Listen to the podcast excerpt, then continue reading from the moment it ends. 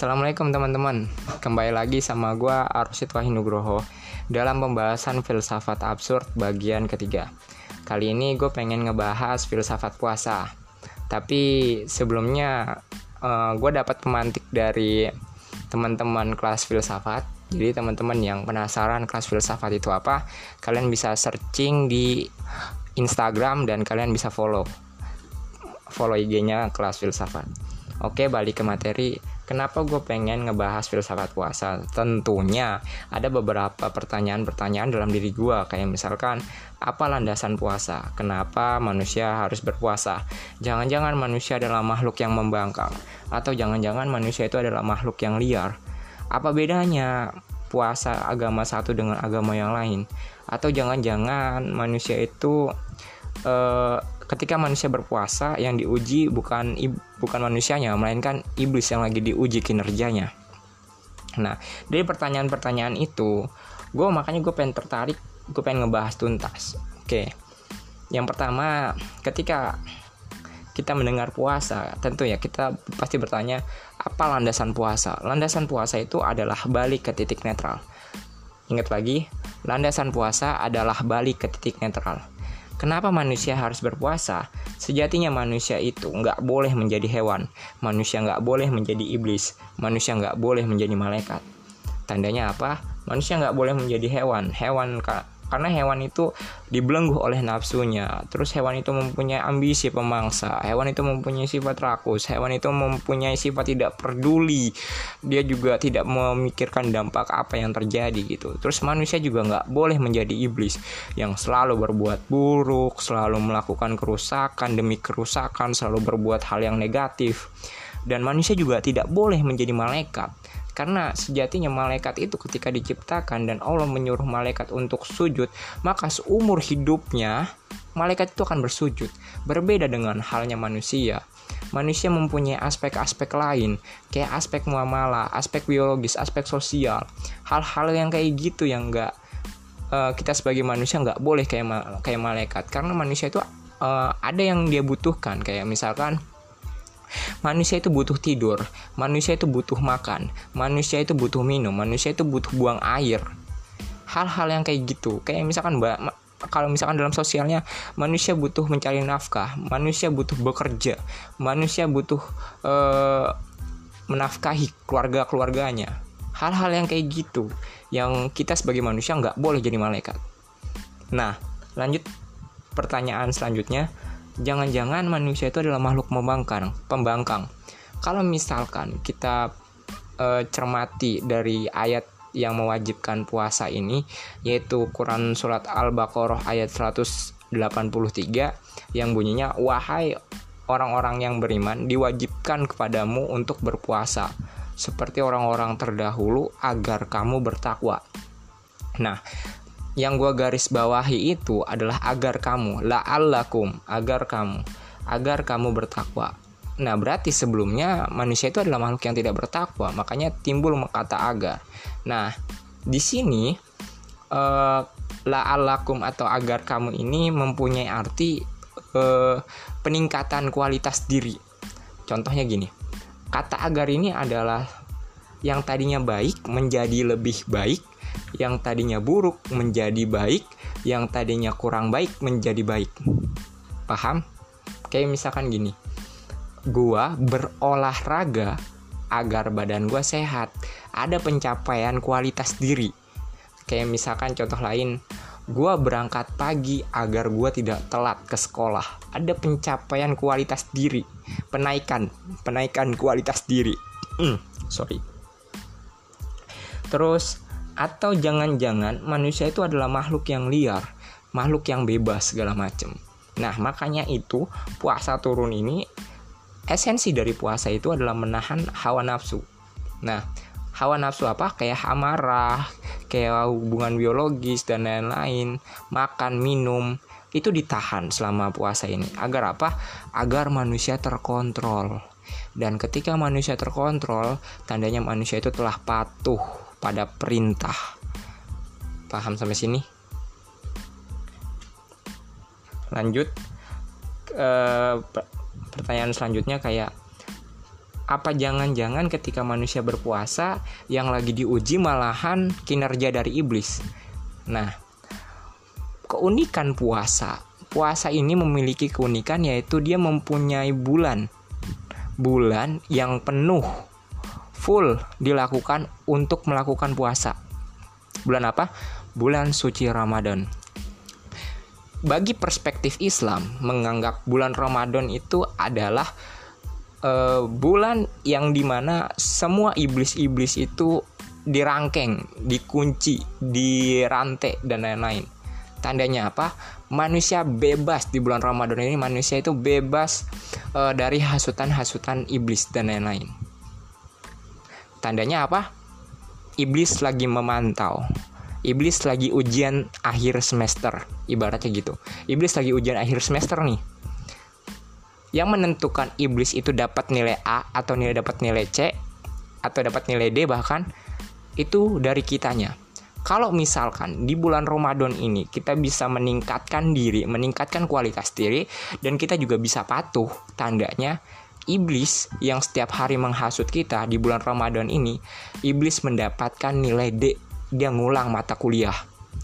Tapi sebaliknya, kalau misalkan di hari-hari sebelumnya kita melakukan keburukan, kita melakukan kerusakan dan puasa ini menekan kita untuk meningkatkan kualitas diri dan menahan hawa nafsu atau terkontrol supaya kita patuh terhadap perintah.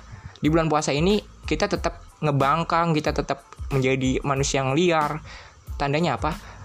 Si iblis ini ketawa, dia mendapatkan nilai A, dapat nilai sempurna, ibaratnya gitu.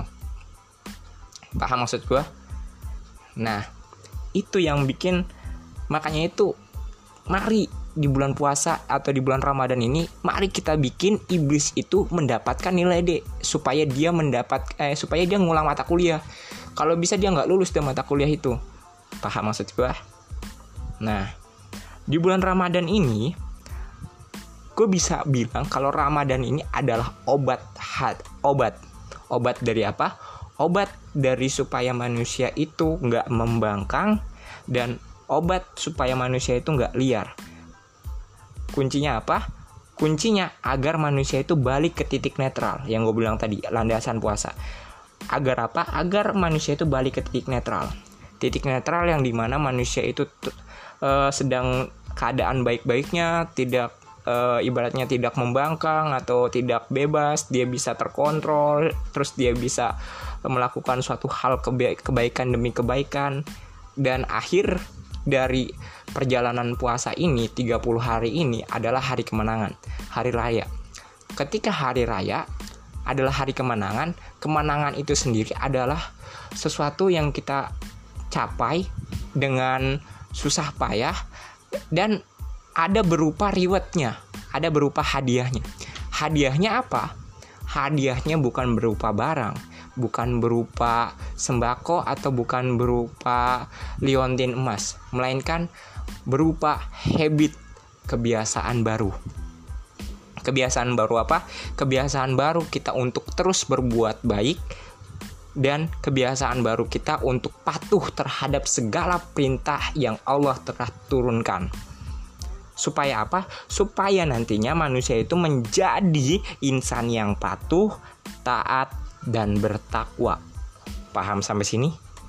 Jadi, ketika bulan-bulan yang lain Allah membebaskan iblis untuk menghasut manusia, e, ibaratnya menghasut manusia untuk berbuat yang buruk dan lain-lain. Di bulan puasa atau di bulan Ramadan ini dan membuat dan puasa ini membuat e, iblis ini mendapatkan ujian akhir semesternya gitu. E, ngelihat kinerjanya itu segala macam kalau misalkan kita bisa uh, meningkatkan kualitas diri kita kita bisa me, me, bisa mengontrol diri kita untuk patuh terhadap sang pencipta tandanya si iblis ini dapat nilai D dia ngulang mata kuliah tapi kalau sebaliknya kalau misalkan di bulan Ramadan ini di obat ini eh, di bagian obat ini aja di bulan Ramadan ini aja manusia masih melakukan keburukan masih melakukan kejahatan tandanya apa tandanya iblis bakalan ketawa karena dia mendapatkan nilai sempurna nilai A Paham sampai sini? Masuk kayak contoh gini dah. Dan pertanyaan yang terakhir, apa bedanya uh, puasa agama satu dengan agama yang lain. Gue ibaratkan Tuhan ini sang pencipta obat. Paham? Tuhan ini sang pencipta obat. Obatnya ini adalah puasa dan puasa ini disebar. Dan obat ini tentunya disebarkan ke dokter-dokter kan. Dokter-dokter ini ibaratnya agama. Kita harus tahu dokter mana yang terpercaya. Dokter mana yang kita yakinin. Dan setiap dokter pasti memiliki resepnya yang berbeda-beda. Kadar apa namanya? Kadar eh, apa sih namanya? Kadar spesifikasinya yang berbeda-beda gitu. Makanya itu kita harus yakin terhadap dokter yang kita pilih. Untuk apa? Supaya kita bisa sehat gitu. Ibaratnya bulan ini gue lagi sakit. Gue biar sembuh, makanya itu gue pengen puasa dan lain-lain. Gue pengen nyari obat. Nah, obatnya itu gue harus nyari ke dokter. Dan di dokter itu nanti gue dapat resep. Nah resepnya itu yang gue harus patuhin. Supaya apa? Supaya gue bisa sehat gitu. Supaya gue ada peningkatan yang tadinya gue nggak sehat jadi sehat. Gitu. Nah di puasa pun ibaratnya di obat obat tuh juga mempunyai masa expirednya. Masa yang di mana dia nggak boleh lagi dikonsumsi. Apa puasa juga ada ada. Di Islam itu ada misalkan hari-hari yang uh, tidak mewajibkan atau dilarang untuk berpuasa. Kayak apa? Hari raya dan Idul Adha segala macam. Itu yang gue tahu ya. Mungkin ada ada beberapa hari lagi yang gue tahu sepengetahuan gue itu yang gue tahu. Terus apa ketika misalkan kita beli obat pasti gue juga ada kadarannya gitu. Kita misalkan gue lagi batuk terus dikasih obat sama dokter gue suruh minum tiga kali sehari. Ya udah gue patuh. Supaya apa? Supaya gue yang tadinya nggak nggak yang tadinya gue batuk menjadi gue nggak batuk. Ada peningkatan gitu. Ada lebih eh, ada suatu hal yang baik gitu. Nah kuncinya apa? Kuncinya supaya gue patuh gitu. Supaya gue bisa balik ke titik netral gue titik netral gue itu apa? Supaya gue bisa balik lagi sembuh lagi gitu maksudnya. Nah ketika lu minum obat tiga kali sehari dianjurkan oleh dokter lu nggak bisa tuh ibaratnya uh, mikir kalau misalkan ah gue pengen sembuh hari ini juga makanya obatnya gue minum aja sekalian semuanya hari ini gue pengen sembuh. Nggak bisa gitu bor. Kalau misalkan kayak gitu uh, di puasa pun juga sama ketika lu disuruh berpuasa pasti ada kadarnya. Misalkan dari imsak sampai nanti maghrib dan lain-lain. Itu kadarannya yang udah harus lu turutin. Lu nggak bisa bor. E, ibaratnya lewat alim dan lain-lain. Mentang-mentang lu masih kuat dan lain-lain. Waktu azan azan maghrib udah Allah akbar Allah akbar. Lu langsung ah kagak ah gue masih kuat. Supaya pahala gue nambah gue bukanya ntar jam 9 lu nggak bisa gitu nggak bisa suatu hal itu uh, lu paksain. Kita itu juga harus patuh kita harus taat. Dan supaya apa? Supaya kita bisa sembuh. Kalau misalkan lu minum obat lebih dari takarannya itu apa yang terjadi? Overdosis men. Itu yang terjadi.